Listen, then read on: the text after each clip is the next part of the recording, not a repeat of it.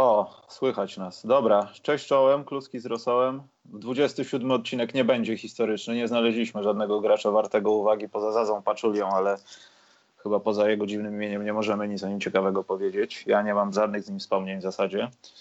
Yy, także Karol chyba też nie. Cześć Karol. Cześć Michał, ten odcinek będzie historyczny z innych względów i oszukujesz, że nie masz nic wspólnego z Zazą, bo masz. I ja też mam. Znaczy, ja mam tylko jedną historię z Karolem Waśkiem a propos Zazy. Yy, kiedy to grał z naszą polską kadrą jakiś czas temu. Yy, I była taka sytuacja, że ja kupiłem sobie plecaczek z Under Armour i okazało się, że Karol Wasiek ma ten sam kolor plecaczka. I stanęliśmy w takim miejscu, że Zaza akurat szedł na konferencję prasową. I on pomyślał, że my stoimy chyba, żeby zrobić zdjęcie. I on jakoś coś tak, nie wiem czy nawet zagadnął.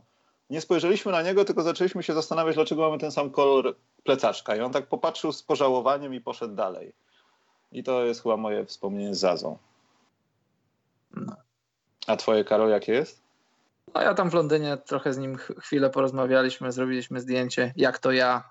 E, no, i, I wiesz, ci, ci, którzy nie znają Zazy, to mają go za takiego hama, prostaka, którym być może czasem jest na boisku, ale Zaza poza boiskiem to jest bardzo miły człowiek ma różne biznesy w Stanach i w Gruzji, interesuje się modą i gdybyście go poznali na żywo, to byście zmienili o nim zdanie ci, którzy mają złe zdanie o nim, bo są tacy pewnie, którzy mają dobre o nim zdanie. Ale z koszykarskiego punktu widzenia to zawsze był taki trochę brudniejszy gracz, przynajmniej A, w ostatnich latach i pewnie dlatego oczywiście. jest, wiesz, przypinka taka. Nie, no, e, dobrze, no. Nie, no chciałem tylko powiedzieć, no jasne i zresztą Aha. słusznie. Aha, e, dobrze Karol, więc tradycyjny segment tatuśka. Co w tym tygodniu spotkało Cię nowego i odkrywczego w Twoim życiu ojca jako ruki? E, spotkała mnie taka rzecz, że moje dziecko zaczęło już, e, z tego co czytałem, bo nie mogę go zapytać, bo on nie może mi tego potwierdzić u źródeł, że podobno ma już pełną wizję, widzi wszystko, a w związku z tym jego mózg dostaje kolejnych bodźców i przez parę dni ostatnich miał kłopot z zasypianiem, ale czytałem, że kiedy już jego mózg nasyci się tymi bodźcami, to wszystko wróci do normy i będzie znowu zasypiał tak, jak powinien. To tyle. No, czy, czyli, aha, czyli to, ale to jest rzecz, której nie było w poprzednich tygodniach. Możemy się spodziewać jakichś dalszych rozwinięć, Karol? Co będzie za tydzień? No miejmy nadzieję, że będzie stały, stały progres w różnych jego, w całym jego rozwoju i będę na bieżąco informował, jak to wszystko wygląda. No dobrze, mam nadzieję, że doczekamy z podcastem specjalnym do momentu, kiedy zacznie mówić albo chodzić. Do momentu, kiedy, kiedy dołączy do nas na trzeciego. na trzeciego. E, myślę, że nie, nie damy rady, Karol, ale możemy o tym pomarzyć. E, dobrze, więc a propos bodźców, e, dzisiejszymi bodźcami, na pewno podstawowym bodźcem tego podcastu dzisiaj będzie to, co się dzieje tam z Nike'em w Stanach, bo sytuacja może w jakiś sposób być politycznie podobna do tego, co widzimy na co dzień, albo przynajmniej w Europie w jakiś sposób. Ale zaczniemy od rzeczy mniej poważnych, czyli transferu, który, który sprawili sobie Rockets i Suns. I w zasadzie dla kibiców Houston i dla klasy, kasy klubu, no to jest błogosławieństwo, że w końcu pozbyto się wysokiego zawodnika rzucającego za trzy punkty, od którego prawie rok nikt nie widział i chciano się go od roku pozbyć. No może przesadziłem, że od roku nikt go nie widział, no ale bardziej go nie było niż był. E, a Sans w zasadzie oddali kogoś, głównie w głównej roli kogoś, na kogo, mówię tu o Chrisie, na kogo chyba postawili krzyżyk i po prostu postanowili go jak najszybciej się pozbyć. E, I Rockets przyjęli to na pewno poza bonusem tym finansowym, że pozbyli się, zwolnili kasę w klubie w salary cap, to no, pozyskali w miarę utalentowanego zawodnika, który po prostu się może nie sprawdził, a może faktycznie jest do dupy. Natomiast ma 22 lata i myślę, że w lepszej drużynie więcej się z niego wyciągnie, zwłaszcza kiedy są takie postacie jak Houston. Ale myślę, że transfer jest no nie jednostronny, ale trochę pomógł obu drużynom. No.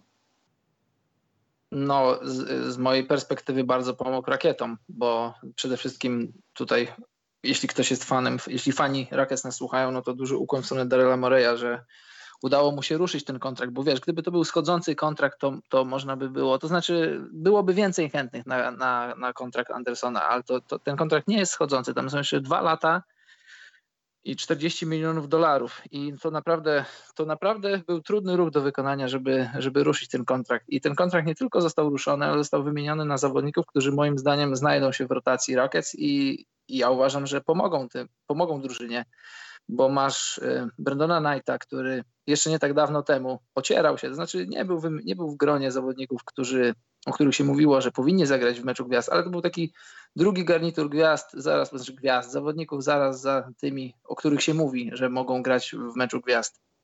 I jeżeli, jeżeli Brandon Knight y, będzie zdrowy, a myślę, że będzie, bo on ostatni cały sezon stracił ze względu na zerwane więzadło krzyżowe bodaj lewego kolana, to ja myślę, że, że to naprawdę Rockets mają wartościowego zawodnika, który pomoże Chrisowi Polowi łagodnie, tak łagodnie jak tylko się da, przejść przez sezon i, i przyjść do playoffów tak świeżym jak tylko się da.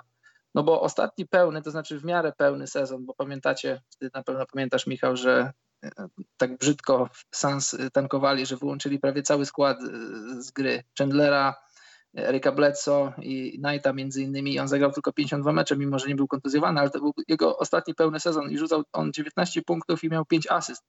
I naprawdę grał dobrze. Więc jeżeli, jeżeli Rockets będą mieli połowę z tego, to, to, to już jest sukces.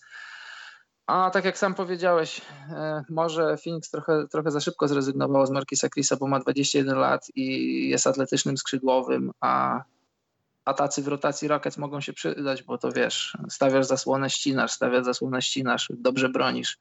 Nie musisz robić nadzwyczajnych rzeczy, żeby mieć minuty w drużynie i coś wnosić do tej rotacji. Więc jak dla mnie duży plus dla, dla Houston, którzy tak. po odejściu, którzy, jeszcze jedno zdanie, którzy po odejściu Arizy i Mbamute trochę wyglądali słabiej, jeśli chodzi o bronioną stronę parkietu, ale teraz moim zdaniem znów wyglądają dosyć dobrze. Poza tym, tak jak powiedziałeś, no tutaj też, nie wiem, też zauważyłem, że media głównie jakoś się tam skupiły na Chrisie, że to jakiś niespełniony talent i trafia do drużyny i bla, bla, bla. Ale też warto pamiętać o Najcie, bo to nie jest też trochę tak, że no, go trochę skreślono. No. Ja już pomijam te wszystkie sytuacje zdrowotne, ale on sam też nie pomagał w swojej karierze za specjalnie przy okazji, ale myślę, że też z niego coś będzie, będzie można zrobić a jeśli będzie można go oddać, to, to Houston tylko skorzysta i gdzieś go na pewno przepchnie. Natomiast jeśli chodzi o Phoenix, no to ewidentnie chcieli się go po prostu pozbyć i już nie tyle, co chodzi o zdobycie zawodnika, który jest doświadczony i może nam jeszcze coś pomóc, pokazać jak Anderson, ale uporządkowanie tego talentu, bo tego talentu jest aż zbyt dużo i Chris myślę, że to już za czasów to tak głupio brzmi, ale Bookera no już był trochę takim nadbagażem w tym wszystkim. Takim przymusowym trochę nadbagażem, któremu nie idzie, a musisz nim grać, no bo jest utalentowany i może coś z niego będzie. Po prostu. Mhm. No dobra, Karol. Y, nie, no w zasadzie korzyść Rockets, ale Sans też myślę, że tam jakoś finansowo sobie skorzystali na tym. Wiadomo, że to jest dużo niższa wartość niż to, co zrobili Rockets i gdzie będą Rockets, ale Sans myślę, że zawsze mogli zrobić gorzej. No. Oni Wiesz bardzo co, liczą ja... na swój talent, który mają w zespole, dlatego Kokoszkow po prostu ma to gdzieś, myślę, i z chęcią by Chrisa i Knighta oddał jeszcze raz, gdyby mógł. Wiesz co, ja nie śledzę NCAA, więc nie mogę tego potwierdzić, bazuję jedynie na tym, co usłyszałem i przeczytałem, ale e, oprócz Ryan Andersona w tym, w tym dealu brał też udział DeAntony Melton. On został wybrany z 46 numerem draftu, a przeddraftowe raporty dawały mu, dawały mu wyższe miejsce, dużo wyższe miejsce. I ludzie mówią, że mogą być z niego, ludzie mówią, że mogą być z niego ludzie. Ja tego nie jestem w stanie potwierdzić, bo tak jak mówię wiele razy, nie śledzę NCAA, więc, więc nie mam swoich własnych spostrzeżeń odnośnie tego zawodnika i innych. Dobrze, więc y, to byłoby na tyle, jeśli chodzi o ten transfer. Y, chyba już nie będzie żadnych specjalnych transferów, aczkolwiek zaraz będziemy rozmawiali o super drużynie. Gdzieś napisałem, że ktoś jej przystawia rogi. E, i będziemy wracali do, znowu do Minnesoty, Karol, bo tam chyba jest jakaś ambasada Chicago Bulls. I chciałbym, jest, chciałbym, żeby była. Chciałbyś, ale to chyba chciałbym, jest trochę jak ja, jak ja bardzo pomysł, chciałbym, nie? jak ja chciałbym bardzo zobaczyć, żeby Luol Deng i, i Joakim Noah zagrali w Minnesocie u coacha Thibodeau. Tak bardzo chciałbym to zobaczyć. No Oczywiście, dobrze, ale no, czy to, czy, tak, to już nie jest kompletnie głupie? No bo wiesz, jasne, że jest. To jest tak głupie, obrazu dlatego, drużyny, która była może 10 lat temu fajna. Przesadziłem, no może 6-7 była fajna, byłaby fajna, gdyby byłaby złożona w tym samym otoczeniu, nazwijmy, no ale to tutaj przypomina, no wiesz, kręcenie psów trzech, trzy po 30 latach, no. To jest takie, niby wszyscy tego chcą, ale z drugiej strony, no to nie zakończy się dobrze. Wiesz, co mi dla wszystkich. Jak no. jesteś na imprezie, jest godzina trzecia i tak już wiesz, już, już jesteś taki trochę drugiej świeżości i wyciągasz telefon mm. i zaczynasz dzwonić albo wysyłać smsy do swoich byłych dziewczyn to, to, to Tim Tobodo jest właśnie takim, takim chłopakiem o trzeciej w nocy i on wysyła SMS-y do swoich byłych dziewczyn, swoich byłych zawodników. I dlatego chcę to zobaczyć, bo to jest takie głupie, że śmieszne. Znaczy to jest trochę też takie, że Thibodeau jest w takim wieku, że on się spotykał z tymi dziewczynami, jak miał sam 20 lat, one miały 20 lat, a teraz on myśli, że po 20 latach one są tak samo fajne, bo tak. się z nimi kiedyś spotykał. A potem się okazuje, że nie, bo jedna ma dziecko, druga nie chce z nim rozmawiać, trzecia w ogóle zamieniła się w faceta, cokolwiek. I wiesz, no, i nic z tego nie wyjdzie. No. I, I właśnie dlatego chcę się, zobaczyć to jak szybko pryśnie ten eksperyment, wiesz, bo to jest, ja nie chcę mówić, że to mi przypomina w jakiś sposób Toronto, ale to też pokazuje, yy, wiesz, Kyle Lowry, nie? że jak w tym sezonie się nie uda i tak dalej, no to nasza miłość może się zakończyć, a tutaj to się nie udaje i nasza miłość się nie kończy, wręcz ona zaczyna być toksyczna troszeczkę, no bo wiesz, to mogą być plotki, a nie to, że faktycznie no, Lou Aldenk ma umówione spotkanie, czy już jest po nim, nie pamiętam, ale chyba to ma się odbyć w tym tygodniu, ale no, po co? Dlaczego? Jak to? Czy on ma nowy kręgosłup? Nie rozumiem. Ma być asystentem trenera. Jako zawodnik może być nie tyle co bezproduktywny, co no, na pewno nie będzie taki jak kiedyś. No nie bez kozery. Ja wiem, że Lakers tankowali, ale no, on też nie bez kozery nie wychodził na boisko. No. I to jest bardzo dziwne. Nie wiem, ale dlatego chcę to zobaczyć. Chcę zobaczyć, żeby to się, żeby to się sprawdziło, bo Luol Deng w ostatnich dwóch latach y, zagrał 57 meczów, jak, jak teraz patrzę w statystyki i wiesz co? On w zeszłym sezonie zagrał w jednym meczu, jakoś to przeoczyłem. Zdobył mm. dwa punkty nawet i no, no i tyle, no po prostu chcę to zobaczyć. Chcę zobaczyć, chcę, żeby Joakim Noah został wykupiony z Nowego Jorku i Luol Deng dogadał się z Minnesotą, żeby obaj byli w składzie Minnesoty na najbliższy sezon. To chcę Boże, zobaczyć. Armagedon to, to jest straszne, ale co, yy, jeśli nawet by to do tego doszło, to chociaż wątpię, żeby do tego doszło. Czy to, to, czy to wszystko w końcu nie rozwali się gdzieś w lutym, czy będziemy czekali do wakacji? Bo mi się wydaje, nie, że to się rozwali jasne. się. O Jezu. Na pewno się rozwali i tak jak mówiliśmy w ostatnim podcaście, czy dwa podcasty temu, e, to będzie gwóźdź do trumny Toma Thibodeau. I teraz pytanie do czego? Do jego roli GM-a, czy do jego roli trenera? Ja myślę, że do tej pierwszej, czyli GM-a, ale robiąc takie rzeczy, a nie inne, być może też zamyka sobie furtkę do powrotu jakiegokolwiek do NBA. No bo wiesz, my tu sobie żartujemy. Ja oczywiście sobie żartuję, bo w sferze czysto sportowej ja tego nie widzę, ale oczywiście chciałbym to zobaczyć, bo to będzie śmieszne.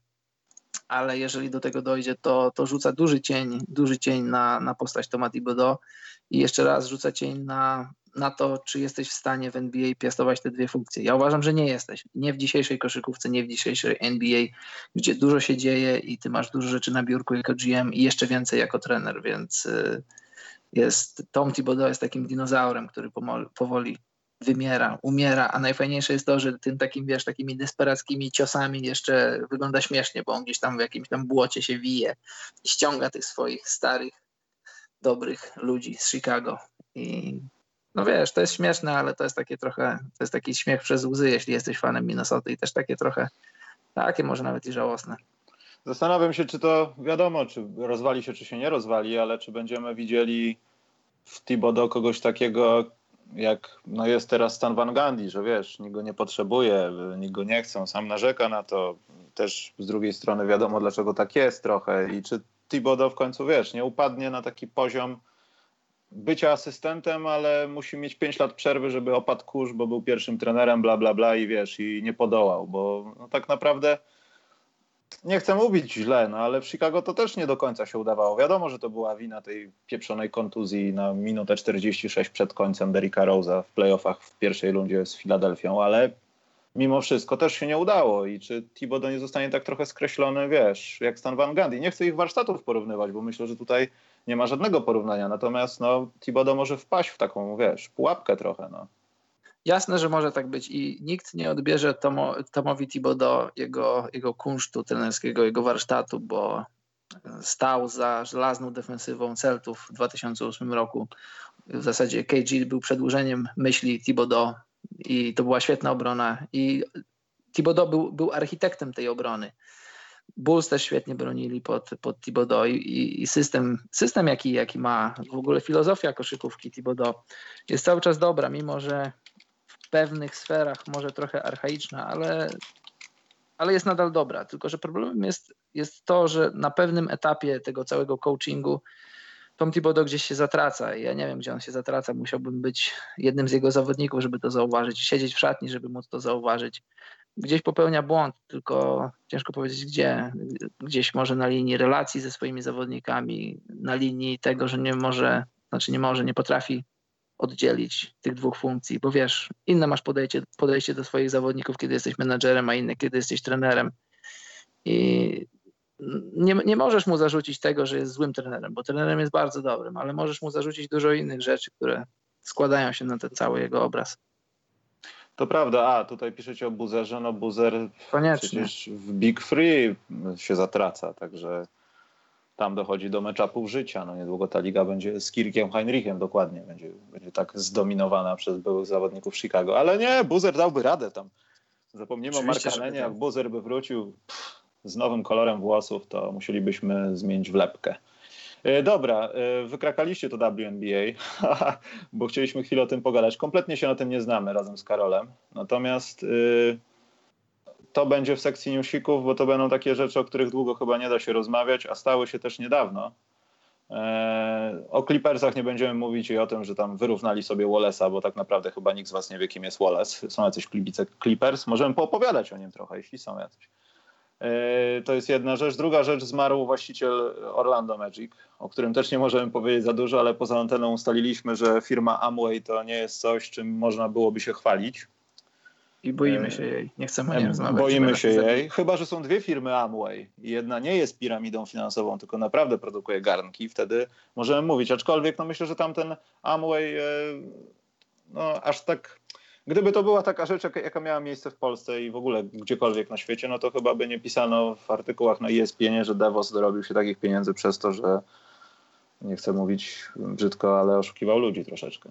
No i no, chyba, mimo... też, chyba też David Stern nie, jakimś szemranym interesom nie dałby dojść do, wiesz, do Dokładnie. kupienia klubu. E, natomiast no, to jest taka sytuacja, że w Orlando, poza tym, że w Orlando ma, ma iść nowe i tak dalej, no bo przyszli tam nowi ludzie, którzy rządzą, e, jeśli chodzi o GM-ów i tak dalej. Natomiast no, czy nie wiadomo, co się stanie. Tam jeszcze nie ma informacji, w jaki sposób będą, będzie, prawdopodobnie rodzina się zaopiekuje e, tym całym interesem. Natomiast jestem ciekaw, jak to wpłynie na Orlando, bo jeśli tam przyjdzie jakiś nieodpowiedzialny gość, jakiś właściciel, który nie będzie tego dobrze ogarniał albo nie wiem, będzie robił swoje ruchy, no to ten projekt Orlando może uderzyć jak Bambo. Nie chcę powiedzieć Mo Bamba, ale Orlando może po prostu stracić na tym. Jestem ciekaw, w jaki sposób to się zmieni. Chociaż no, zwykle takie rzeczy, no nie wiem, w Oklahomie na przykład, no, y, czy coś. Te zmiany aż takie nie były drastyczne, w sensie no, ktoś odchodzi, ale z drugiej strony pojawia się ktoś, kto no, musi trzymać tą organizację i ktoś tego pilnuje. Także to jest tego typu sprawa. Myślisz, Karol, że to się na nich odbije, czy w ogóle to nie ma żadnego znaczenia? Raczej myślę, że to nie powinno mieć znaczenia, no bo wiesz, jeżeli masz dobre organizacje, to, to właściciel jest taki trochę odcięty od tego, co robi GM. Oczywiście wszystko robią w porozumieniu, chociaż jeśli jesteś, jeśli jesteś Sacramento, to znaczy to jest najlepszy przykład, jeśli jesteś no. Sacramento, gdzie, gdzie nie ma tego oddzielenia między, wiesz, gdzie ludzie sobie wchodzą w kompetencje, a, a najwięcej do powiedzenia ma człowiek, który na koszykówce zna się najmniej, ale ma pieniądze, więc, więc może mówić jeżeli, jeżeli Magic są organizacją tak profesjonalną jak się da, to raczej, raczej to nie powinno wpłynąć na, na jakość zarządzania tym klubem, a przecież ta jakość nie była jakaś super nie wiadomo jaka, więc to nie jest poziom, z którego można jakoś, jakoś spektakularnie spadać. Dobrze, ale zostajemy dalej na wschodzie i ty Karol o tym coś powiedziałeś, napisałeś. Ja myślałem, że do tego nie dojdzie i w końcu będzie over, ale Adonis Haslem podpisał roczną umowę z Miami Heat i to będzie jego 16 sezon. No. Kompletnie niewidocznie, bo ja, ja, powiem szczerze, że w ciągu tych 16 sezonów ja miałem już dwa takie momenty, że nie wiedziałem, gdzie jest Udonis Haslem. W sensie musiałem sprawdzić, wiesz, czy on nie zakończył aby karierę, czy nic mnie nie ominęło. Aż tu nagle on się pojawia na boisku i e, jeśli nie zawiśnie jego koszulka pod sufitem Miami, to chyba ja będę zawiedziony za te 5 lat. Bo to jest taki bardzo cichy, taki trochę Shane Battier, nie? Jak był dla Houston, powiedzmy. To prawda. No ja myślę, że ta koszulka zawiśnie. Najlepszym przykładem jest chyba to, że, że w ogóle Udonis Haslem jest jeszcze w NBA, że w ogóle dostał ten kontrakt. Mimo, że to jest kontrakt minimalny, to jakieś tam symboliczne znaczenie ma, no bo miejsce w składzie bierze, dostaje, znaczy. A w ostatnich trzech latach Udonis Haslem, jego rola, jego rola nawet w hit, którzy nie grali o mistrzostwo, grali tylko o playoffy, była bardzo, bardzo zmarginalizowana. Grał, mam tutaj statystykę, w, w ostatnim sezonie w 14 meczach, wcześniej w 16, wcześniej w 37. Grał po minut 5, 8 i 7, więc wiesz, y, Haslem to już niestety, mówię niestety, bo, bo bardzo zawsze go lubiłem, to już niestety jest tylko napis na, na, na plecach, na nazwisku. A Haslem wartości sportowej niestety już nie ma żadnej ale wydaje mi się, że, że prawdopodobnie szykowany jest do jakiejś tam roli w klubie i pożegna się z tym, pożegna się z karierą w NBA, karierą zawodnika po tych rozgrywkach i, i coś tam na pewno w, drugiej, w drugim, na drugim etapie, w drugim rozdziale swojego życia na pewno od Miami dostanie. Też wydaje mi się, że Patrick Riley nie chce teraz robić takiego błędu, jak zrobił z Wade'em, bo, bo w idealnym świecie, w idealnym scenariuszu Wade nigdy z Miami by nie odszedł i wiesz, e, po roku, po dwóch dochodziły do nas różne informacje, że tam poszło o, o jakieś tam detale, poszło o urażoną dumę, bo jak spojrzysz na to, co ostatecznie hit dawali Wade'owi i spojrzysz na to, co wziął z Chicago, pomyślisz o tym, że na Florydzie nie ma podatku stanowego i wszystko to sobie policzysz, to wychodzi na to, że nie poszło o pieniądze, tylko poszło o urażoną dumę. Więc y, hit nie chcą dwa razy popełnić tego samego błędu, żeby pozwolić swoim legendom odejść albo, albo wiesz, zakończyć kariery, czy, czy odejść do jakichś innych klubów, bo nie wygląda to za ładnie. Przede wszystkim wizerunkowo dla klubu, no bo tak jak powiedziałem, raczej nie sądzę, żeby Denis Hassan coś wniósł, jeśli chodzi o, o, o rzeczy na parkiecie. Wiadomo, doświadczenie w szatni to jest coś, czego nie możesz kupić, ale, ale nie sądzę, żeby, żeby Haslam jakimś był tam kimś w rotacji Eryka Spoelsty. To samo z Wade'em, który cały czas jest bez kontraktu i wydaje mi się, że wydaje mi się, że w końcu się dogadają, bo, bo co jakiś czas widzisz, pojawiają się jakieś tam filmiki z treningów Wade'a, z jakichś tam, z jakichś tam meczów z amatorami. I, I Wade przygotowuje się do sezonu i, i też mi się wydaje, że na koniec wyląduje i tak w Miami, bo, bo nie widzę, nie jestem w stanie wyobrazić sobie, żeby, żeby przeszedł gdzie indziej. Wade jak na razie to bawi się z dzieciakami w szkołach średnich, przyjeżdża no właśnie, i no masakruje właśnie. ich, także to chyba nie koniec. Natomiast ja nie wiem, czy ta informacja, bo pojawiła się dosyć niedawno, no ale wpadliśmy trochę o tej godzinie. E, Boris Diaw zakończył karierę. Tak, tak. I to jest też jakiś tam e, zawodnik, o którym może brzydko wyszło, że nie powiedzieliśmy o europejskich zawodnikach, ale mimo wszystko gdzieś tam do jakiejś naszej dziesiątki można byłoby go wrzucić. O, na pewno, do dziesiątki to bez dwóch zdań. Mi to zawsze podobało się w jego karierze, to takie, e, Wojtek Michałowicz zawsze tak mówi, easy going. On taki był, wiesz, tutaj winko, tak, tutaj tak. pupką przepchnę pod koszem, ten mecz nie ma znaczenia, ale ja tam rzucę 20 punktów, bo mnie nie kryjecie, a na koniec serek, winko, wiesz, kompletnie mieć wszystko w dupie, a grać w kosza, to było świetne. Poza tym on też momentami nie przypominał koszykarza, czasami naprawdę to nie wiem, co go motywowało do tego, żeby ruszyć tą, brzydką mówiąc, tłustą dupę pod kosz, bo już czasami przypominał nie siebie, już jeszcze w czasach San Antonio. No. To, prawda. to też było mi, takie dziwne. Mi, za, mi, zawsze w jego grze imponowała in, inteligencja na boisku. On nigdy nie był super atletyczny, nigdy nie był super szybki, ale zawsze na boisku robił to, co chciał zrobić. Yy, potrafił znaleźć się w miejscu, w którym chciał i był jednym z tych pierwszych zawodników, trzeba to pamiętać, jednym z pierwszych zawodników, którzy grywali na wszystkich pięciu pozycjach. To w zasadzie w tych pierwszych Phoenix pod Mike'em D'Antonim na początku tego wieku, jak pamiętacie, y, szybcy run and gun, Sans i Boris Diaw, który mógł robić wszystko na boisku, naprawdę wszystko. Nie, nie przesadzam, bo Boris Diaw na przestrzeni swoich lat, swojej kariery w NBA grał na wszystkich pięciu pozycjach, łącznie z rozgrywającym i łącznie z centrem i naprawdę w small ballu to było coś, bo, bo Diaw nie był za szybki, nie był za silny, choć znaczy silny był, ale nie był za szybki, ale jego doświadczenie, jego czytanie gry, jego antycypacja, twoje ulubione słowo Michał, to tak. mu pozwalało, to mu pozwalało naprawdę zagrać. On przecież on w NBA zagrał 14 lat, to nie jest nic. Tym bardziej, że jest zawodnikiem, tak jak sam powiedziałeś, nieatletycznym, który często przychodził do sezonów z nadwagą i wiesz, gdybyś go nie znał, gdybyś go gdzieś zobaczył w tłumie, to nigdy byś nie powiedział, że, że jest, no może koszykarzem, że tak, no bo jest wysoki, ale że jest sportowcem takim, wiesz, takim naprawdę topowym z NBA, to ciężko było powiedzieć, bo często naprawdę z takim, takim misiowatym brzuchem i takimi trochę otłuszczonymi bicepsami pojawiał się. Więc y, no, inteligencja, czytanie gry i ogólnie taka, tak, taki, taki przyjazny sposób bycia, taki otwartość, uśmiech zawsze. Miałem okazję kilka razy z nim rozmawiać, bardzo, bardzo zabawny, inteligentny człowiek.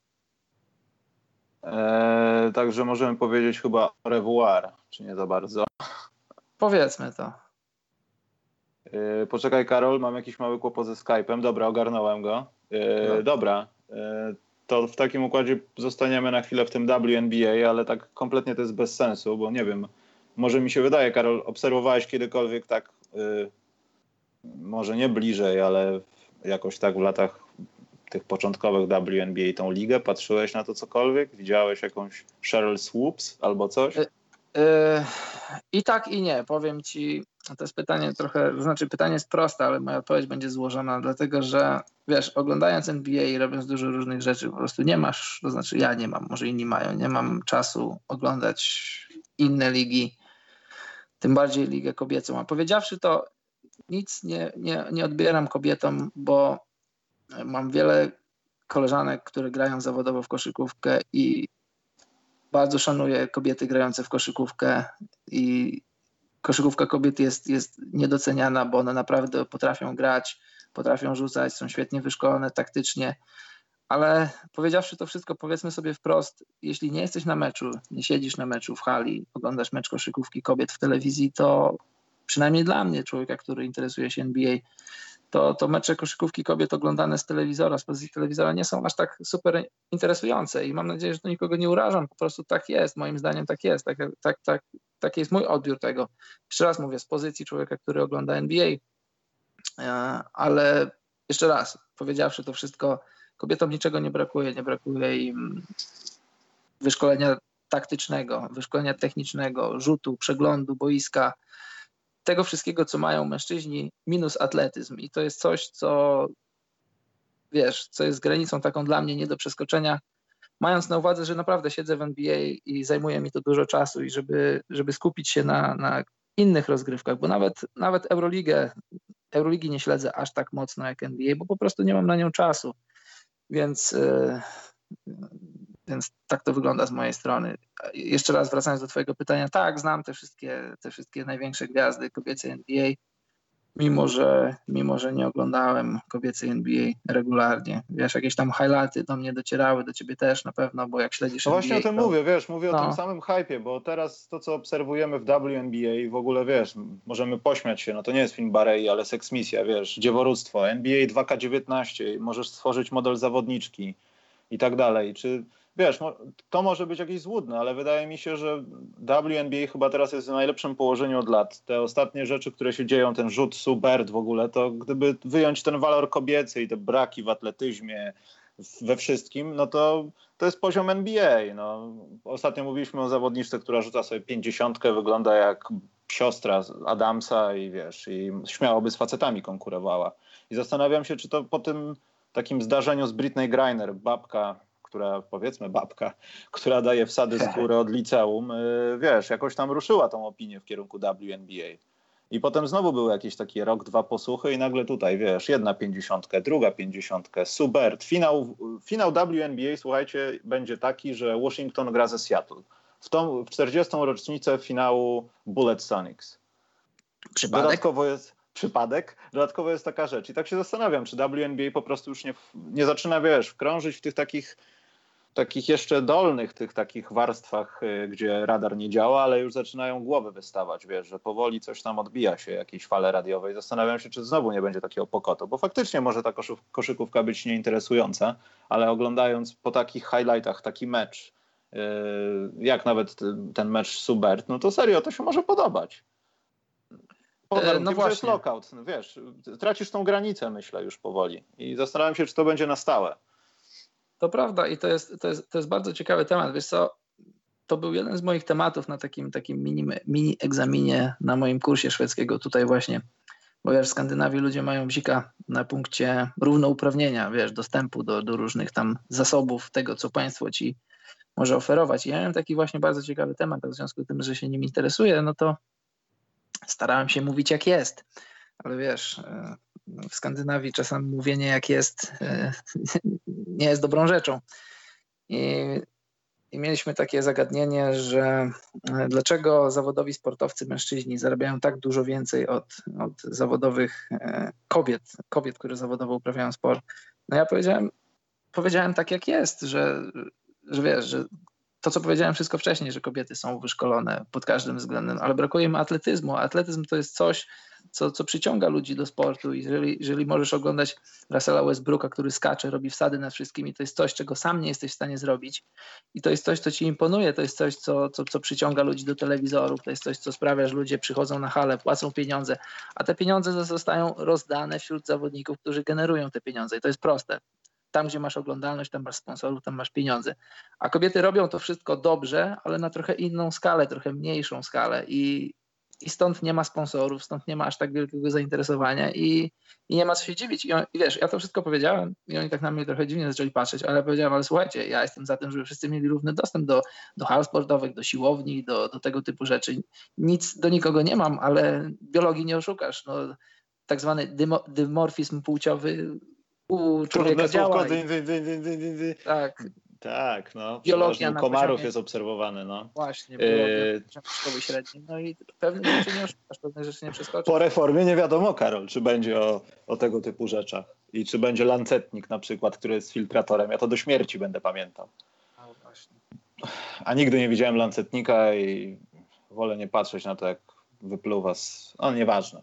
A przy e, okazji Dobrze, koszykówki, no. jeszcze tylko jedno zdanie powiem, przy okazji koszykówki kobiet przypomniał mi się mój wyjazd na, na finał Eurobasketu kobiet w zeszłym roku w Pradze i bardzo mi się podobało, byłem na żywo i tak jak mówię, jeśli jesteś w hali, oglądasz te mecze, to naprawdę jesteś w stanie się w nie wciągnąć i emocjonować się tym, co się dzieje i najlepszym przykładem jest to, co teraz wrzucam na czat z zeszłego roku. Zapraszam. No i to tyle o koszykówce kobiet. E, dobrze, to przechodzimy do. E, poczekaj, zorientuję się w tematyce, ponieważ jeszcze, e, jeszcze chyba coś nam zostało, aczkolwiek chyba nie. Właśnie, teraz mi przyszło to do głowy. Jeśli będziecie mieli chwilę czasu, ja zaraz, jak będziemy rozmawiać o tej całej sytuacji z Nike'em, to wam przekleję link, ale jest arcyciekawy wywiad, bodajże w Super Expressie. Zaraz poczekajcie, sprawdzę tylko bo mam dodany w ulubionych, na temat jednego z polskich zawodników z lat 70., który no może to jest jaka, jakiś, e, jakaś niepotrzebna sława, ale, albo jakaś legenda, natomiast e, no, był je, z jednych, jednym z najlepszych zawodników na swojej pozycji podobno na świecie i nazywał się Włodzimierz Trams. I to jest niby wywiad dla Super Expressu, ale nie lata to UFO i pan Grzegorz nie znalazł największego borowika. Tego nie znajdziecie w tym artykule ale jest naprawdę ciekawy i ja już się kontaktowałem z tym panem, który zrobił ten wywiad, z panem Dobrowolskim. Wklejam wam link na czacie. Gdyby udało się pojechać na Czerniaków i nie zgubić wszystkich zębów i nagrać wywiad z takim nieznanym gwiazdorem polskiej koszykówki, to byłoby super. Także mo, może, może jeszcze przed sezonem udałoby się coś takiego zrobić, ale zachęcam do przeczytania, bo to jest dosyć ciekawa sprawa. Ja wcześniej słyszałem o tym człowieku, ale nie słyszałem jakichś tam większych szczegółów. Ten wywiad też wszystkiego myślę nie wyczerpuje, ale warto, warto spojrzeć, bo polskie. Mhm. Dobrze, Karol. Y, to co? To wjeżdżamy w świat Nike'a, klęczenia i wszystkiego, mhm. co związane jest z mordowaniem Indian. E, czyli albo, ta... albo innych. Tak. E, słuchajcie, jeśli macie jakieś w ogóle do nas pytania albo cokolwiek, to po tym segmencie, nazwijmy to segmencie z Nike'iem, będziemy odpowiadali, także jak coś, to piszcie potem, ale żeby, żebyście coś mieli, bo potem będziemy szli, jak nie będzie pytań czy coś. E, dobra, więc e, nie wiem, czy znacie sprawę do końca, czy nie, no ale kampania Nike z okazji 30-lecia jest taka, jaka jest pokazuje to, że ludzie nie powinni w ogóle słuchać innych ludzi, dbać o cokolwiek się dzieje, tylko robić swoje i walczyć, jeszcze raz walczyć. E, tylko jest związane to bardziej z futbolistą amerykańskim, niejakim Kopernikiem, tak go niektórzy nazywają. E, I no nie wiem, nie wiem na ile to jest w ogóle rzecz warta dyskusji, czy w ogóle coś z tego będzie, no ale w Stanach pojawiła się straszna fala, oczywiście wiadomo z jakich środowisk, no pro-Trumpowych, tak bym to nazwał, fala no, hejtu w kierunku Nike'a, no, że palone są rzeczy tej firmy, że nie chcę mówić rednecy, czyli wieśniacy jacyś amerykańscy mówią, że skupiłem rzeczy od Nike'a, teraz je palę, jak zobaczę kogoś w tych ubraniach, to go pobiję. Widziałem takie rzeczy chyba na Reddicie, jakieś zdjęcia jakichś takich typów, którzy jeżdżą pick-upami z shotgunem i strzelają do krów, rzucając puszkę od piwa. I zastanawiam się, czy to, czy to, będzie niosło ze sobą jakieś większe echo, poza tym, że pogadają ludzie, w październiku ktoś uklęknie podczas hymnu w NBA i będzie, będzie pozamiatane. Czy firma Nike jakoś się wbije znowu w historię z tym tematem? A, od czego by tu zacząć, bo temat jest tak złożony, jest tak, jest, to jest temat fascynujący, bardzo interesujący i w sumie to moglibyśmy cały podcast poświęcić temu i od czego, od, od czego by tu zacząć? E, no znaczy wiesz co Karol, myślę, że może powinniśmy, bo ja też do końca nie pamiętam, a nie chcę sobie teraz odświeżać, ale chyba ta cała sytuacja z Kolinem Kopernikiem, Kapernikiem wyszła wtedy, kiedy on e, po prostu ukląkł podczas wykonywania hymnu Stanów Zjednoczonych na meczu i to było tak. spowodowane tak. chyba z brutalnością policji, tam z tak, tak, tak równouprawnieniem tak, prawa czarnych, tam była ta jasne, słynna jasne. akcja wcześniej Brief, co w NBA noszono koszulki e, i tak dalej. No poli, brutalność policyjna, no. I to jest geneza tego problemu, bo potem wszyscy chcieli, no chcieli, mieli pretensje do niego, że jako Amerykanin nasz hymn ty jesteś czarny, my biali i tak dalej, to cała, cała martyrologia. Od tego się zaczęło. Od tego się zaczęło i, i właśnie trzeba w ogóle zacząć od tego, że, że Amerykanie to jest, to, jest bardzo, to jest bardzo konserwatywny naród, może nawet i w wielu aspektach staroświecki. Ameryka, Stany Zjednoczone to nie jest to, to nie jest to, co widzicie w filmach. Jeśli się interesujecie tym krajem, to wiecie, a jeśli nie, to, to odsyłam do, jest wiele, wiele, jest nawet, wiesz, nawet są kierunki na studiach amerykanistyka, ale żeby nie wchodzić tak daleko, ogólnie powiedzmy, że, że Amerykanie, szczególnie biali Amerykanie, to, to są, są bardzo konserwatywni, bardzo staroświeccy i to jest, to jest kraj, który stosunkowo krótko istnieje, to wiecie, trochę opowiadam banały, ale robię takie wprowadzenie, żeby powiedzieć, że Amerykanie mają, mają bzika na punkcie e, symboli. Flaga, hymn, tego typu rzeczy. Zwróćcie uwagę, że, że nawet na jakichś tam rozgrywkach w szkołach średnich, czy, czy jakichś tam mniej znaczących e, eventach gra się hymn amerykański. Kiedy się go gra, wszyscy stają na baczność, wielu ludzi trzyma rękę na sercu i to jest coś takiego, co, co pod wieloma względami jednoczy ten, ten bardzo różnorodny kraj. Jeżeli człowiek jakiś tam z jakiegoś powodu stara się wyłamać e, z tych, z tych, e, z tych ram, to, to przede wszystkim jest to odbierane za, za, za jakiś tam zarzut w stronę, w stronę całego kraju, nie to, co konkretnie chce przekazać, a wiemy, co chce przekazać, bo, bo ogólnie te, te idee, który, o które on walczy, to są, to są idee jak najbardziej słuszne i jak najbardziej prawdziwe, bo, bo Stany Zjednoczone są bardzo rozwarstwione. E, temat rasizmu to nie jest temat poprzednich dekad, to, to, to jest temat, który cały czas istnieje i działa w obie strony. Są, są biali, którzy nienawidzą czarnych, ale są też czarni, którzy nienawidzą białych. W zasadzie południowe Stany, takie jak Georgia, jak Alabama, to, to, to są, są też są takie miejsca, gdzie, gdzie będąc białym jest, jest ryzyko, no idziesz na własne ryzyko do, do różnych tam powiedzmy klubów, czy ogólnie y, pewnych części różnych miast. I i to jest wielki problem w Stanach. Rasizm to jest wielki problem. I też jak śledzicie różne tam newsy, newsy ze Stanów, może nie tylko ogólnie polityczne, ale, ale samą, samą NBA śledząc też. Na pewno docierają do was różne rzeczy, że brutalność policji to jest coś, co, co, co jest faktem. I, i czarni, czarnoskórzy Amerykanie naprawdę mają z tym problem, bo bo może być tak, że, że, że, masz pracę, że masz y, dobrze sytuowaną rodzinę, bo po prostu znajdziesz się w złym miejscu, o złym czasie i będziesz miał, wiesz, trochę za szerokie spodnie, twoją bluzę, twoja, twoja bluza z kapturem trochę za bardzo będzie nakrywać twoje, twoje oczy, twoje, twoją ciemną twarz, śniadą twarz i, i naprawdę możesz zostać y, dotkliwie pobity, czy wręcz nawet zastrzelony. I tak wygląda, tak wyglądają Stany Zjednoczone, ale też, ale też nie przesadzajmy, bo, bo niektórzy mówią, że, że Stany Zjednoczone są w tym momencie w, w tak złym miejscu, w jakim nigdy nie byli. No to odsyłam do historii. Historią nie aż tak odległą były segregowane autobusy, segregowane restauracje i, i, i naprawdę wszechobecny rasizm, który był, który był skodyfikowany prawnie. Więc jeżeli ktoś mówi, że Ameryka nigdy nie była w gorszym położeniu, to, to, to jest w błędzie, bo może wiesz, nie było kiedyś internetu i nie było, nie było masowego przepływu informacji. I cóż więcej mogę dodać? Coś może o tej kampanii, co ja o niej sądzę. Znaczy wiesz, tutaj, wiesz co, Karol, no. przepraszam, a propos tego całego zamieszania z hymnem, to też zainteresowanych wszystkich kieruję przynajmniej do przeczytania na Wikipedii albo masa materiałów jest na YouTubie, wywiady są.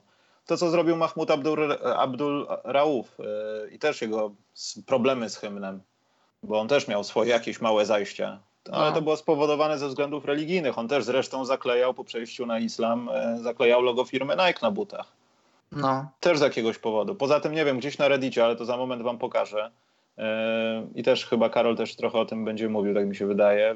E, są różne spojrzenia na tą sprawę całą, że to hasło kampanii można postrzegać nawet jako hipokryzję, no bo z jednej strony e, mamy zawodników, którzy są z różnych pochodzeń, różnych ras i, i tak naprawdę jeśli nawet sami przychodzicie na boisko do kosza, to nie zwracacie kto jest skąd i nie pamiętacie o tym, że ten, ten gość jest Niemiec, a jego dziadek to był w Wehrmachcie, tylko gracie z nimi w kosza. I ten sport zaciera te różnice, a w momencie, kiedy schodzisz z boiska, zaczynasz mówić o tych różnicach i to jest straszne. Najgorsze w tym wszystkim, myślę. No ale mów, Karol, bo cię wybiłem. E, wracając, e, już pomijając e, aspekt i w ogóle postać kapelnika odnośnie samej tej kampanii, to słusznie, słusznie zauważasz, że, że są różne spojrzenia i różne, różne, przez różny pryzmat można patrzeć na tę reklamę, bo przypomnij mi hasło, tam jest coś takiego, że, że jeśli stoisz za czymś, to po, przypomnij mi, bo pamiętam, ale teraz mi wyleciało. Że jeśli, jeśli wierzysz w coś, wiesz w coś, nawet jeśli oznacza to poświęcenie wszystkiego. No to wiesz, y, przede wszystkim zacznijmy od tego, że Nike robi świetne reklamy. Mm, nawet ostatnio, ostatnio w zeszłym tygodniu chyba na swoim fanpage'u rzucałem super reklamę z Sereną Williams i na przestrzeni lat, jak śledzimy sport, to coraz wychodzą spod, spod stajni Nike jakieś, jakieś naprawdę świetne reklamy, które wiesz, które grają nutą, no, grają różnymi nutami i odwołują się do twoich ambicji, odwołują się do jakichś tam rzeczy filozoficznych, socjologicznych, społecznych i, i naprawdę bardzo mądrzy ludzie robią, robią reklamy dla Nike. Od tego zacznijmy, to robią świetne reklamy. Tylko, że Colin Kaepernick, ja nie, ja nie śledzę NFL, ale z tego co wiem, to jest zawodnik średniej klasy. Do kogo moglibyśmy go w NBA porównać? To jest taki zawodnik, czy on, on gra w podstawowym składzie, czy grał? Znaczy, bo teraz go nie ma w NFL, ale czy on, czy on grywał w podstawowym składzie? Wiesz, nie chcę nikogo obrazić, ale może mu się zdarzyło, aczkolwiek no, nie jest okay, chyba więc... jakimś topowym zawodnikiem futbolu Jasne, amerykańskiego. Więc powiedzmy, do kogo w NBA moglibyśmy go porównać? Czyli to jest taki zawodnik, który, który wiesz, grywa w meczach, czasami łapie się do rotacji, czasami nie, czyli mógłby być takim, ja wiem, no kim? Derrickiem Rose'em.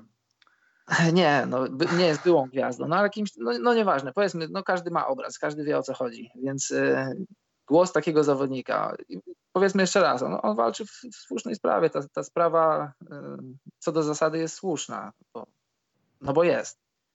Ale jego platformą do, do przekazywania informacji, do, do, do niesienia jakichś tam idei była gra w NFL.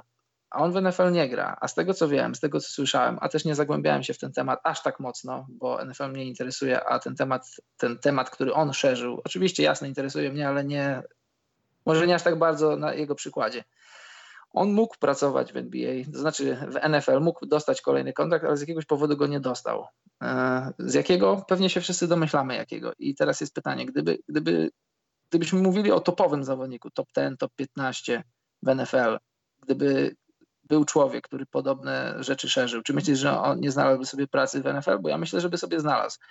I gdyby to spotkało, gdybyśmy to przełożyli na realia NBA, gdyby LeBron, wiesz, czy ktokolwiek inny, KD, Harden, ktokolwiek postanowi się w coś takiego włączyć, to, to wiesz, to są ludzie, którzy, którzy rozdają karty, bo nie jestem w stanie sobie wyobrazić, żeby z powodów politycznych supersportowiec nie dostał, nie dostał kontraktu w swojej lidze. Kapernik nie dostał kontraktu w swojej lidze, bo zadecydowały dwa względy, sportowy i polityczny, a że dwa, dwa aspekty nałożyły się na siebie, no to, to, to, to sprawa jest prosta. No i teraz wracając do tej reklamy wracając do tego hasła, teraz Nike wyciąga go jak, jak asa z rękawa i mówisz, wierzysz w coś, nawet jeśli oznacza to poświęcenie wszystkiego. Kapenik za, za udostępnienie swojej twarzy, swojej postaci, wszystkiego na pewno ma dobrze zapłacone od, od Nike, to co do tego możemy być pewni. Nike daje mu kolejną platformę do, do działania.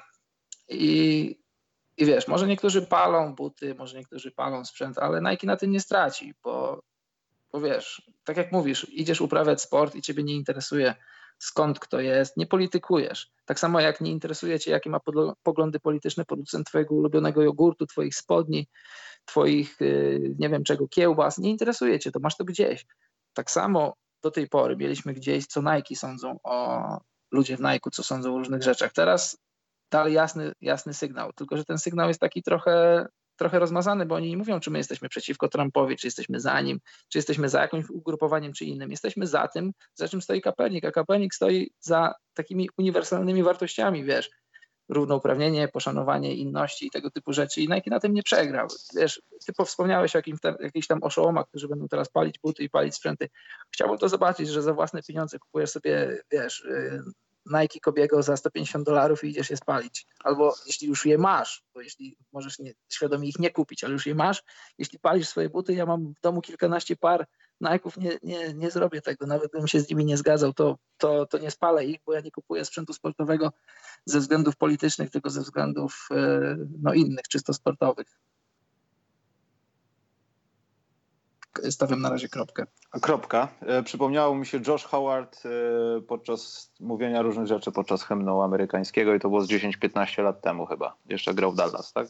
Było coś takiego. Tak, tak, było, było. Że chyba nie chciał śpiewać czy coś, nieważne. E, o czym chciałem powiedzieć? Chciałem powiedzieć właśnie, popatrzcie na obrazek. To jest, to jest a propos tego, co Karol mówił na temat mnogości spojrzeń na tą sprawę. E, bo ja wiem, e, nawet sam napisałem e, na fanpage'u Świat Koszykówki, że to też może być postrzegane, wiecie jak, no Amerykanie wiadomo jak stworzyli USA. No, ja nie chcę mówić o wojnach secesyjnych, wojnie secesyjnej i spra całej sprawie z niewolnictwem, no ale wymordowano Indian. Wiecie, no, przyjeżdżają do was ludzie z innymi sprzętami, których wy nie znacie, bo jesteście prymitywni dosyć, ale mimo wszystko jakoś cywilizowani i was mordują, a jednocześnie potem narzekacie na gościa, który klęczy przy amerykańskim hymnie, bo jesteście tacy cudowni. Na to też to można tak spojrzeć, ale najbardziej, szczerze mówiąc, urzekło mnie to spojrzenie, właśnie wrzucam na ekran y, zdjęcie, może Karol sobie zobacz, y, czy ci opisać. Będę widział, mam. E, no to chyba też pokazuje to, że Nike ma bardzo dobry dział marketingu, ale czasami nie chcą mówić o rzeczach, które są dla nich niewygodne, no bo mimo wszystko produkcja obuwia w Chinach i płacenie głodowych re, re, racji, racji, pensji e, ludziom, no, nie jest czymś, co o wszyscy o tym wiedzą. Oczywiście, jak powstają iPhony i większość tych wszystkich elektronicznych, nawet nie elektronicznych rzeczy. E, że to nie jest chyba powód do tego, żeby wszczynać taką dyskusję, zwłaszcza kiedy ten temat jest taki gorący, bo ten temat jest gorący chyba od roku w Stanach. I biorąc pod uwagę to, co no. jeszcze LeBron mówił, przepraszam, LeBron, Trump mówił o LeBronie, z tą jego szkołą i te komentarze i ta cała sytuacja z Trumpem powoduje, że te takie środowiska, które powinny być pod kamieniem, nagle czują wolność, żeby wychodzić. Jasne. I stąd też się biorą takie spojrzenia. I, I tak się też zastanawiam, czy to nie zostało stworzone po to, że no, no brudny kapitalizm. Wiesz co, mamy 30. rocznicę. My musimy zrobić kampanię inną niż wszystkie nasze, a my wyznaczamy tak naprawdę standardy tymi kampaniami, więc musimy sami sobie wyznaczyć kolejny standard, więc pojedźmy z czymś na grubo, jak to się mówi. Właśnie, weźmy, ja to Weźmy no. tego gościa i my no, mamy to, to w prawda. dupie, czy nas spalicie, czy nie, bo wokół, wokół, wokół tego będzie taki rozgłos, że na wyświetleniach tej reklamy zarobimy więcej niż na za waszych zakupach, czy cokolwiek. No, ja to, ja to wcześniej powiedziałem. Ludzie od Nike, jeśli śledzicie ich twórczość, a na pewno śledzicie, to, to, to wiesz, to nie są ludzie z ulicy. Oni przed, przed zrobieniem czegokolwiek badają rynek i oni doskonale wiedzieli, że oni nie stracą. I wiesz, czy tutaj nagle Nike uzewnętrznia swoje jakieś poglądy? Nie, oni po prostu robią kampanię, kolejną kampanię, kolejną, wiesz, może dyskutować, czy ona jest fajna, czy nie, czy dobrze zrobili, czy nie, ale, ale to, to, przede wszystkim to jest biznes. Oni będą na tym zarabiać i, i może będzie jakaś grupa ludzi, którzy zbojkotuje, ale na jak długo? Okej, okay, przejdziesz do Adidasa, przejdziesz do Under Armour, możesz to zrobić, ale w gruncie rzeczy Nike na tym nie straci, na tym zyska. I tutaj zauważyłem na czacie coś takiego, że y, łatwo jest mówić o, o takich rzeczach w Białej Polsce. Ja, ja to powiedziałem, ja to powiedziałem na samym początku, nie wiem czy słuchałeś, rasizm w Stanach Zjednoczonych, nie tylko w Stanach, ale ogólnie wszędzie, ale jest, jesteśmy na przykładzie Stanów. Rasizm w Stanach Zjednoczonych działa w obie strony. I jasne, pójdziesz sobie na Bronx, czy pójdziesz sobie do różnych dzielnic, powiedzmy w Atlancie, czy ogólnie gdzieś w Georgii. I naprawdę za sam fakt, że jesteś biały, możesz z tej ulicy nie wyjść. I, i nie oszukujmy się, tak jest, tak to działa że jeżeli jesteś, jest, jeżeli wychowałeś się w getcie i widziałeś, że na co dzień ludzi zabijali, jeżeli widziałeś, że twoi koledzy sprzedawali narkotyki i, i, i, śmierć, kradzieże, rozboje, to jest coś, co się dzieje na porządku dziennym, to bardzo ciężko jest z takiego środowiska wyjść. I siłą rzeczy jesteś w tym. Jest, jest odsetek ludzi, odsetek Afroamerykanów, którzy, którzy albo nie znali swoich ojców, albo tracili swoich ojców, gdy ci nie mieli 30 paru lat, a te dzieci nie miały 5 czy 6 lat, jest, jest zatrważający. I jeśli pomyślisz, że już wchodzę w trochę inne aspekty, że, że edukacja w Stanach Zjednoczonych kosztuje, że służba zdrowia kosztuje, to masz obraz naprawdę rozwarstwionego społeczeństwa, które wiesz, wydaje ci się, że Stany Zjednoczone to, to jest kraj spełniających się marzeń, bo tak się, bo tak się o, ty, o, o, o Stanach mówi. I ogólnie niby tak jest, ale jeżeli urodziłeś się w getcie jako czarnoskóry chłopiec czy czarnoskóra dziewczynka i masz tak, z gruntu jesteś skazany na słabsze szkoły, z gruntu jesteś skazany na słabszą edukację, nie masz pieniędzy na, na studia, bo nie masz ich, bo, bo studia naprawdę kosztują bardzo, bardzo dużo. Twoich rodziców nie stać, bo twoi rodzice pr pracują w najprostszych pracach, to rośniesz w kolejnym pokoleniu tego, tego, tego, tej niższej kasty. Można tak to powiedzieć, chyba to nie jest za duże słowo. Możesz powiedzieć, rośniesz w kolejnym pokoleniu tej niższej kasty, więc jeżeli dostajesz za wszelką cenę, starasz się coś dostać, stypendium sportowe, idziesz na uniwersytet, później zaczynasz grać w NBA i, i, i, wchodzisz w inne życie. I ja się nie dziwię, naprawdę nie dziwię się tym sportowcom, że, że chcą zabierać głos w sprawach politycznych, że, że czują się trochę odpowiedzialni za to, co się dzieje, bo biorąc pod uwagę historię wielu koszykarzy NBA, a nie wszyscy byli z dobrego domu, jak, jak Grant Hill i paru innych zawodników. Nawet daleko nie trzeba szukać. LeBron James, najlepszy zawodnik w NBA. LeBron zresztą często podkreśla to, że często gdy odbiera jakąś nagrodę, że jego tu nie powinno być, on w zasadzie mógł nawet nie żyć, bo, bo z miejsc, w których się wychowywał, z miejsc, w których mieszkał, to, mało kto wychodził na, na ludzi, a już nie mówiąc na, na ikonę, ikonę sportu. I, I oczywiście, powiem to po raz trzeci, rasizm w Stanach Zjednoczonych działa w obie strony i, i, i nie oszukujmy się, tylko że pytanie jest, jest zasadnicze, pytanie jest y, bardzo, bardzo zasadnicze, czy, czy, czy czarni, czy Afroamerykanie są źli dlatego, że są czarni, czy dlatego, że czy dlatego, że przesiąknęli okolicznościami miejscami, w których żyli. Gdyby odwrócić sytuację, gdyby, gdyby, to, gdyby to czarni skolonizowali Amerykę i sprowadzili białych jako niewolników i była, sytuacja była odwrotna, czy nie byłoby tak samo? Ja myślę, że byłoby, bo moim zdaniem może się mylę, ale, ale, ale ludzie są co do zasady sobie równi.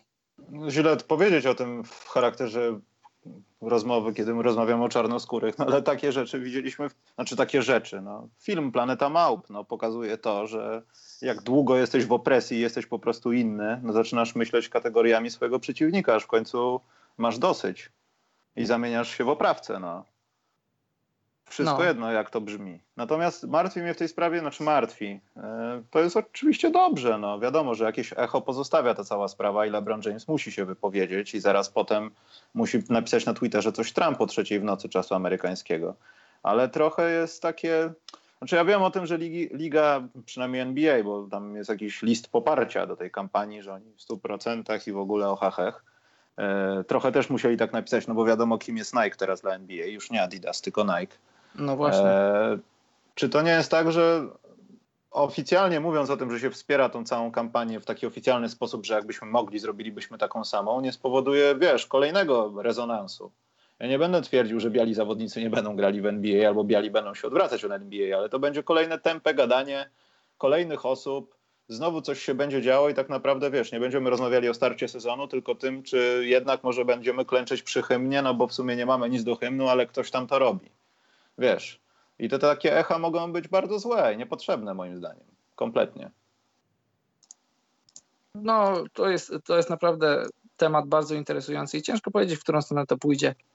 E, wiesz, NBA, Adam Silver i David Stern mm, jakoś tak potrafili przeprowadzać płynnie ligę przez, przez te wszystkie e, delikatne tematy bo, bo NBA jest, jest, jest ligą zawodników, który, jest ligą, która się bardzo wsłuchuje w głosy w swoich zawodników. To jest teraz od, od, od, ponad 10 lat LeBron, wcześniej to był Kobe, wcześniej był Jordan, wcześniej Magic i, i i jakoś tak ta liga płynnie przychodzi, przechodzi od, od jednej wielkiej postaci do drugiej wielkiej postaci i no i co? No i, i ma się coraz lepiej, ma się bardzo dobrze i to chyba, to chyba jest kierunek, który inne ligi powinny śledzić, po prostu wsłuchać się w głos swoich zawodników, a jeśli weźmiesz pod uwagę, że, że 3 czwarte zawodników NBA to są, to są zawodnicy czarnoskórzy, no to, to wiesz, to temat jest naprawdę raz, że ważny, a dwa, że delikatny.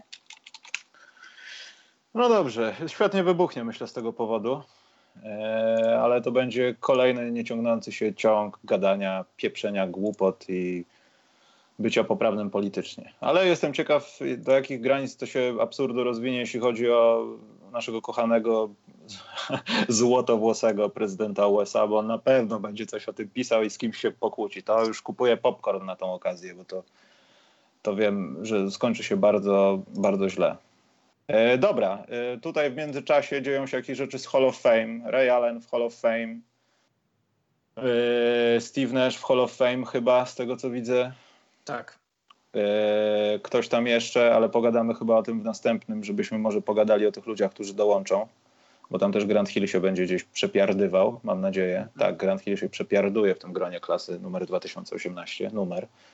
E, dobrze, e, to czekamy na jakieś pytanka od Was jak coś, dzisiaj Karol, no nie wiem, no jest poniżej godziny, także musimy coś porobić przez 4 minuty musimy, a jeszcze tak na koniec, bo to no. wiesz, ja, temat jest, ja, dla mnie temat jest bardzo interesujący, bo ja pisałem pracę magisterską o Martinie Lutherze Kingu, pracę licencjacką o niewolnictwie w Stanach Zjednoczonych. To jest naprawdę temat, którym się interesuję i siedzę w nim dosyć głęboko i to, to nie jest temat na podcast i to nie jest temat na takie sobie, wiesz, rozmawianie przez telefon i czytanie, co się dzieje na czacie, bo no, to, to jest problem w skali całego świata. Nierówności, różne nierówności, różnego rodzaju nierówności i to są rzeczy, które w zasadzie kierują nami od, od, od zarania cywilizacji. Wiesz, e, czarna magia, czarna noc, dużo rzeczy, które są czarne, są złe. I, i pytanie, czy, czy, czy one są złe? Czy naprawdę ludzie wierzą w to, że, że jeśli masz, urodzisz dziecko, masz troje dzieci, Azjatę, Afrykanina powiedzmy i, i, i dziecko kaukaskie, to, to, to jeśli te dzieci będą wychowywane identycznych warunkach, e, w tej samej rodzinie, u tych samych rodziców, to czy, czy ktoś wierzy w to, że, że te dzieci e, przynajmniej w teorii nie mają równego startu i równych możliwości do zrobienia czegoś. Wiadomo, oczywiście wiadomo, ktoś ma predyspozycję do, do uprawiania sportu, ktoś ma predyspozycję do, do, do czego innego, do muzyki, do, do nauki, ale to wynika z zainteresowań, a nie z tego, kto kim jest i jak wygląda i ile ma melaniny w skórze. I, I tak na koniec, bo to jest temat, no jest naprawdę temat, który można zgłębiać nie tylko godzinami, ale latami. Odsyłam do filozofa Roberta Owena. To jest, to jest e, walijski, walijski filozof, bardzo interesujący. Poczytajcie sobie, jakie on ma poglądy na temat tego, e, kto jaki jest e, i okoliczności, które sprawiają, że, że ludzie są jacy są a nie to, jak wyglądają. To tyle mniej więcej. Ale wiesz, Karol, to się tak łatwo mówi, a na koniec dnia okaże się, że jest ktoś, kto ci powie, nie chcę używać brzydkich słów, ale jesteś pieprzonym czarnuchem. I nieważne, czy wokół ciebie będą sami y, Afroamerykanie, ale będzie to jedna osoba, która spowoduje, że nagle zacznie coś w tobie rosnąć. I właśnie z tych rzeczy to się bierze. Ja już nie będę mówił o jakichś sytuacjach w Polsce, ale to już nawet nie jest problem rasowy, to jest pro, problem tego podejścia. No, zobacz, co się dzieje w Stanach. W Stanach tam się naprawdę dzieją tak dziwne rzeczy, że nie wiem, że gdybyśmy przepuścili to przez polskie sito, to nie wiem, czy u nich nie jest gorzej, jeśli chodzi o niektóre jakieś takie występki i jakieś takie rzeczy, które się dzieją w opinii publicznej, a przede wszystkim nie działo się przez x czasu u nich, bo nie byli przyzwyczajeni do tego, że prezydent jest normalny i spokojny, a nie robi dziwne rzeczy. Naprawdę, nie jest zabawny. Polecam no serial no Saszy Barona Coena Chuj z Ameryka. Tam dochodzi do tak, takich rzeczy, że chłopaki z HBO zapłacą naprawdę grube miliony odszkodowań, ale pokazują, no może nie do końca tych rządów, ciężko nazwać je prawicowych, ale trumpowych, e, że to jest dokładnie tak jak mówię. Wystarczy tym ludziom pokazać przyzwolenie na to, że to jest normalne i dzieją się skandaliczne rzeczy. Polecam naprawdę szósty odcinek, zmieni wasze życie na zawsze. Tyle mogę powiedzieć. Y, no, Dobrze, ale też y, no? jedno zdanie o tym serialu. też, też mi się wydaje, że nie można wyciągać za bardzo daleko idących wniosków, no bo to jest, to jest serial, który e, jest nakręcony i zrobiony na kształt takiego jakby paradokumentu, no ale on nie jest ani dokumentem, ani paradokumentem i też wiesz... Yy... No dobrze Karol, ale... No wiesz, ale to nie było, nie, nie było przepytane spektrum ludzi, którzy mieli pogląd na jakiś temat, tylko były wybrane, wiesz, Oczywiście, postaci, zgadzam się, najbardziej skrajne, żeby było, żeby było drastycznie i żeby było śmiesznie, no i też trochę tak, wiesz, śmiesznie przez łzy. E, tak, no ale Karol, wiesz, e, ja nie twierdzę, że tam gośćmi, w ogóle tak naprawdę, no to ten serial cały jest walenie w głupa, że tak naprawdę to jest, to, to, to nie jest Sasha Baron Cohen, tylko ktoś ucharakteryzowany i tam jest wiele postaci. Jest ktoś, kto jest gościem, który myśli, myśli mówi, że szanuje wszystkie 24 płciew, które istnieją na świecie. Są różne pokazane spektra osobowości, które żyją w Stanach. Natomiast ta jedna osoba to jest nigdy, niby oficer sił specjalnych, który nie mówi, że jest z Mossadu, tylko jest ze służb specjalnych z Izraela, ale nie z Mossadu. Tak, on tam tak, zaprasza tak. ludzi, no takich też redneków, ale którzy są zawiązani w jakichś stowarzyszeniach. Stowarzyszenie obsługi broni przez dzieci, stowarzyszenie tego, tego. I on mówi im, że to jest szkolenie i tam ci ludzie wierzą w to, że to jest ten rodzaj szkolenia, który muszę zrobić. W sensie, co się stanie, kiedy terrorysta chce odciąć mi głowę i Eran Morant, czyli przebrany Sasha Baron Cohen, mówi, że przeżył dwa odcięcia głowy i proszę stoi dalej. I ten gość, który jest poważnym szefem organizacji jakiejś strzeleckiej, brzydko mówiąc, gryzie go w sztucznego penisa tylko po to, żeby ten go wyszkolił, jak zachowywać się w tej sytuacji, kiedy ktoś ci chce odciąć głowę. Wiesz, y, no, ktoś no, poważny no by tego nie zrobił. No. Wyszedłby ze studia, czy wyszedłby z tego terenu, gdzie nagrywają i powiedziałby, to jest niepoważne. A oni mimo wszystko to robią, no bo hell yeah, we America, wiesz, ISIS, wszystko. I i to jest straszne, bo to jest pokazana trochę prawda. No. Ja wiem, że też mógł wy wybrać wariatów, nie? No właśnie. Bo też właśnie. wiedział, kogo wybiera, żeby to było śmieszne, no to bo gdyby to było nudne, to by serial kończył się, jeden odcinek kończył się po pięciu minutach, zgadzam się. No właśnie o to chodzi. Y, dobrze, Karol, więc zejdźmy z tego poważnego tematu. Tak. Y, pogadajmy, bo wiesz co, mam pytanie, y, jak po konferencji sędziowskiej? Czy jesteś zaskoczony jakimiś rzeczami, które będziesz musiał robić w tym nowym sezonie, czy nie za bardzo?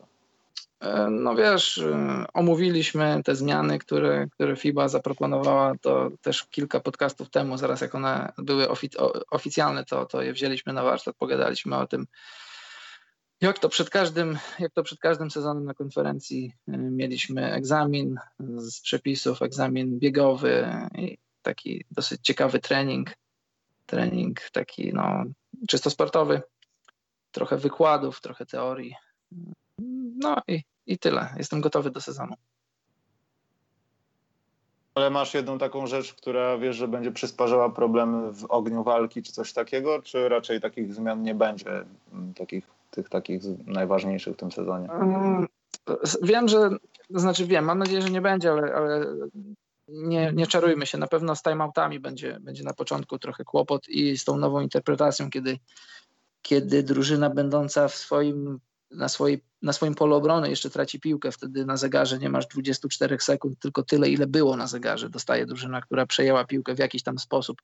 I to na pewno będzie na początku kłopot dla stolikowych, bo, bo, bo ogólnie 24 sekundy dla, dla osoby, która, która ma taką funkcję w meczach, to niby masz dwa przyciski, czy tam trzy, ale to jest bardzo trudna praca, bo, bo poza tym, że znasz przepisy, to jeszcze musisz y, czuć grę i wiesz, na tym polu często jest dużo kontrowersji, dużo, dużo kłótni niesnasek, bo no, definicja posiadania piłki i nieposiadania jej to jest, to jest temat trochę złożony, bardzo złożony. Więc tutaj naprawdę ludzie będą musieli być dobrze wyszkoleni, bo jeśli nie, to, to sędziowie z boiska będą mieli, będą mieli dużo pracy, bo nie chcę powiedzieć kłopot, ale będą mieli dużo, dużo pracy, przynajmniej na początku sezonu. Więcej zamieszania bardziej. Tak, mi się wydaje, że tak myślę. Naprawdę będziesz musiał mieć duże baczenie na, na 24 sekundy, bo różne rzeczy mogą się dziać. Tak mi się, tak mi się wydaje. Mam nadzieję, że się mylę, ale no, myślę, że się nie mylę, przynajmniej na początku sezonu. Później to się unormuje, tak jak, tak jak każda zmiana potrzebuje trochę czasu, żeby się w to wdrożyć, ale wiesz, w tych niskich ligach czasem zdarza się tak, że, że ludzie dostają takie szybkie przeszkolenie odnośnie 24 sekund, przynajmniej tutaj w Szwecji. W Finlandii jest trochę inaczej. Tak dosyć szybko, wiesz, tutaj masz 14 po ofensywnej zbiórce, tu to, tu tamto, ale żeby tutaj zrobić teraz po tych nowych zmianach, to naprawdę trzeba trochę więcej czasu poświęcić, żeby ludziom to wyjaśnić i jestem pewien, że wiesz, to nie jest możliwe zrobić przed meczem, żeby obsługiwać dobrze jeden mecz. Dobrze, więc y, mamy jakieś, Karol, jeszcze pytania? bo powiem ci, że szczerze mówiąc, chyba tylko zostało coś. Mateusz Dobosz pytał coś o kadrze. A, o kadrze, tam się dzieją jakieś śmieszne rzeczy, są jakieś kontuzje, jest ich dziewięciu. Mm. Po turnieju może być ich jeszcze mniej. E, nie wiem, jak to będzie wyglądało, ale nie wygląda to za dobrze, jeśli chodzi o naszą sytuację kadrową. Ta cała sytuacja ze sloterem to jest w ogóle jedna wielka dla mnie zagadka w dalszym ciągu. Tak jak rozmawiałem o tym z Karolem w chyba 26 odcinku, tak? E, podcastu specjalnego. Niestety no, wygląda to nie najlepiej. Czy przeżyjemy turniej w Chinach? Nie wiem. Nie wiem, czy tam dojedziemy. E, nasi oponenci też chyba nie będą w najmocniejszych składach, aczkolwiek no, liczę na to, że to jest trochę jak w tej, nazwijmy to mojej, no, w Lidze Wiatrów, że masz obligatoryjną ilość zmian. Ja wiem, że w poważnej koszykówce tak nie jest, ale mniejszą rotacją grać się łatwiej. I nie wiem po prostu, czy ta dziewiątka, pomijając to, że to, no nie ma Maćka Lampę na przykład, to no, może słabo wyjść. I mam nadzieję, że nie będzie żadnych dodatkowych kontuzji, bo to kompletnie już osłabi nas i, i będzie bez sensu. No. Będzie ciężko się to oglądało przede wszystkim. Aczkolwiek, no, może, może akurat w tym roku ktoś jakiś charakter ich trafi, nie wiem. Ale mam nadzieję, że w przyszłym tygodniu pojawi się w Trójmieście, no w przyszłym, za dwa teoretycznie. E, w następnym tygodniu, w sensie chyba w poniedziałek jest mecz, pojawię się w Trójmieście, może uda mi się coś tam pogadać, zobaczyć. Może będziemy jeden jeden mieli po tym meczu u nas Eee, także tyle. Nie wiem, czy Karol patrzyłeś na tą całą sytuację, ale to wygląda. Tak, tak, dziwnie. patrzyłem. Szkoda, szkoda mi Maćka, bo, bo, bo ostro przepracował lato i tam zaleczał kontuzje, które go trafiły w ostatnim roku i wydawało się, że już jest na, na dobrej drodze, żeby wejść w ten reżim sezonowy, a tu kontuzja kolejna, naciągnięcie mięśnia i to. No szkoda, szkoda. Eee, pojawił się ostatnio na treningu Legii, tak nawiasem mówiąc. Nie wiem tak, tak, jakiego tak, względu. Chyba Tanner go zaprosił. Chyba. Ale no był na workoutie. Już miałem nadzieję, że w kasie klubu Legii pojawiły się dodatkowe pieniądze. Poczekaj, jest jakieś nie, pytanie. Nie takie, które... nie takie. Eee, poczekaj, mamy dużo pytania. Wiadomo, kiedy Polacy będą grali w Holandii? Eee, już ci mówię, ponieważ mam zapisane w Vincencie. Mam nadzieję, że nie skasowałem tego. A, skasowałem jak debil. To sprawdzaj sobie, gdzieś na naszych stronach, bo teraz nie otworzę, bo chyba wybuchnie mi komputer.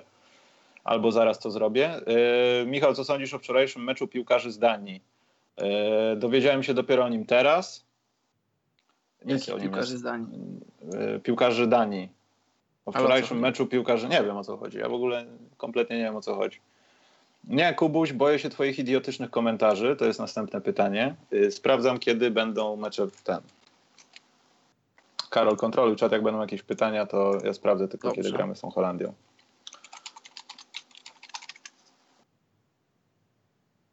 Co sądzimy o długach Stelmetu?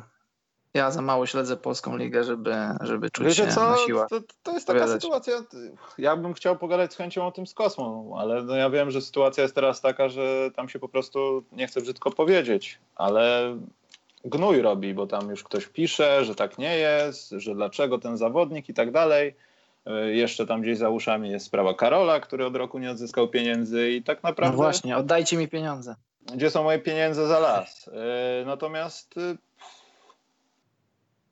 nie wiem, nie wiem, nie wiem po prostu, czy to przyniesie jakikolwiek efekt pisania i mówienia o tym, bo tak naprawdę wszyscy o tym wiedzą, że w tych sprawach finansowych nie jest za łatwo i kluby po prostu lecą jak, jak wróble w zimie spadają z tych z przewodów na dół, po prostu jest takie plaski koniec.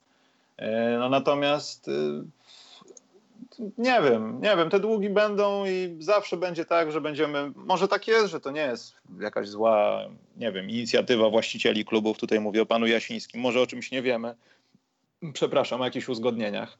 Natomiast no, sytuacja no, na pewno nie pomaga w podpisywaniu nowych zawodników, mimo że oni się pojawiają, powiem tak, to jest dla mnie dziwne. No i problem też jest taki, że, że trochę wiesz, z tym przyznawaniem licencji i, i, w ogóle przymyka się oko na różne rzeczy, że często kluby nie spełniają jakichś tam, jakich, jakichś tam norm, ale mimo to zostają dopuszczone do rozgrywek, bo jakoś tam będzie, a później okazuje, że to jakoś wcale nie będzie, wcale nie jest. I, i jeszcze raz wracamy do tego, że, że PLK ogólnie w swoich strukturach nie jest tak bardzo profesjonalnie za, zarządzana, jakbyśmy tego chcieli, jak wymagają, wymagałyby tego dzisiejsze czasy i, i gdzieś to się wszystko zazębia niestety. E, znalazłem Vincent, gramy 25 lutego 2019 roku u nas. E, dopiero, bo wyjazdowy mecz mamy najpierw z Holandią. E, ja może i trzy dni wcześniej, czyli 22 lutego, gramy wyjazdowe spotkanie z Chorwacją. I to są dwa nasze ostatnie mecze w, no, w tych dziwnych też przyznam eliminacjach. Zaczynamy z Włochami 14, 17 pierwszy nasz mecz domowy z Chorwacją. I następny mecz domowy z Włochami 2 grudnia, bo wcześniej 29 listopada gramy właśnie z Holandią na wyjeździe. Tak wygląda ten terminarz. Dobrze, czekaj, zerknę, co tu się dzieje. E, tak, to jest bardzo, bardzo. Ja dzisiaj przeczytałem pierwszy taki poważny, poważny wywiad, e, chyba w przeglądzie sportowym. Chyba Jakub Wojczyński zrobił, ale nie jestem pewien. E, w Trójmieście są Marta wszystkie mecze, tak mi się wydaje, e, naszej kadry w Ergo Arenie. E, że to, że to jest taka ciekawa sytuacja z tym youtuberem, ten naukowy bełkot. Tam też jest taka sprawa, że to nie jest sponsoring za milion złotych i tak dalej, ale mimo wszystko no, no jakiś taki, no nie wiem, precedens. Myślę, że też nie będzie drugiego takiego, co wyskoczy, bo to też jest tak, że autor tego profilu, przypomnijcie mi albo nie wiem, no poprawcie mnie, e, chyba grał w tej drużynie. Tak, Dawid grał, on, on bardzo dobrze grał, on zresztą ma brata, który, który grał w Ekstraklasie. E, Dawid zjadł go kontuzję, był bardzo dobrym zawodnikiem, atletycznym jak na białego, ale zawsze był, e, wiesz, uprawianie Za sportu. dużo słów biały i czarny jest w dzisiejszym podcaście. A, wiesz, mówimy jak jest. Jak ktoś jest biały, mówimy, że jest biały, ktoś jest czarny, mówimy, że jest czarny, więc nie, nie, nikogo nie urażamy, nie kłamiemy.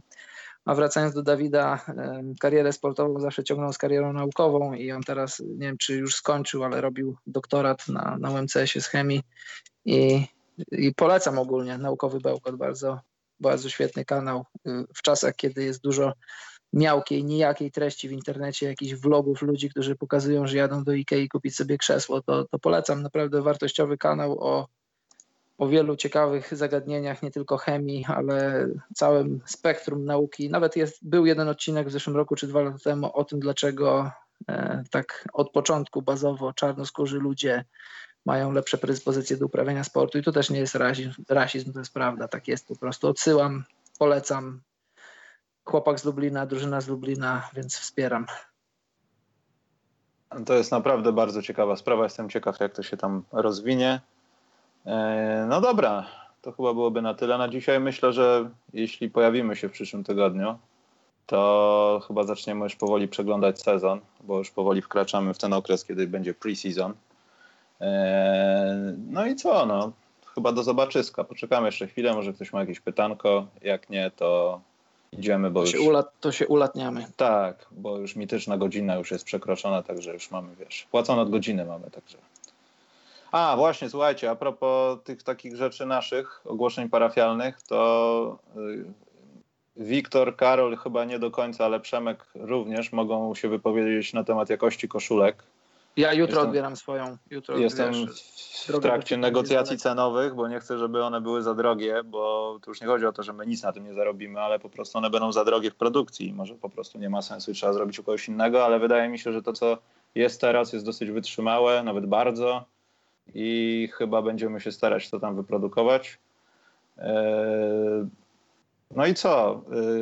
A, właśnie, ta najważniejsza rzecz. Nie wiem, zrobili coś z tym systemem donate'ów, póki jeszcze nie jesteśmy w Patronite, że pozmieniali wszystkie linki. Ja nie wiem, czy ja wszystko prawidłowo zrobiłem, dlatego te linki są inne. Dlatego jak widzicie, tutaj mamy też jakieś tam inne czcionki i tak dalej w tym sektorze po prawej. E, także taka rzecz formalna. Może, może w połowie września odpalimy, bo też zauważyłem, że nasz dostawca iTunesowy, czyli ten podcast Garden, wszystko z nim jest w porządku, jest darmowe, nie ma ograniczeń i tak dalej. Natomiast ma straszne kłopoty z e, obsługą interfejsu e, iTunesa. W sensie ja tam nie mogę nic dodać, te zdjęcia nie są klikalne w telefonie, jak powinny być. Dlatego zastanawiam się, czy po prostu nie wejść w SoundClouda, w tą opcję taką, która pozwala na nieograniczony zapis. Eee, no i zobaczymy, no.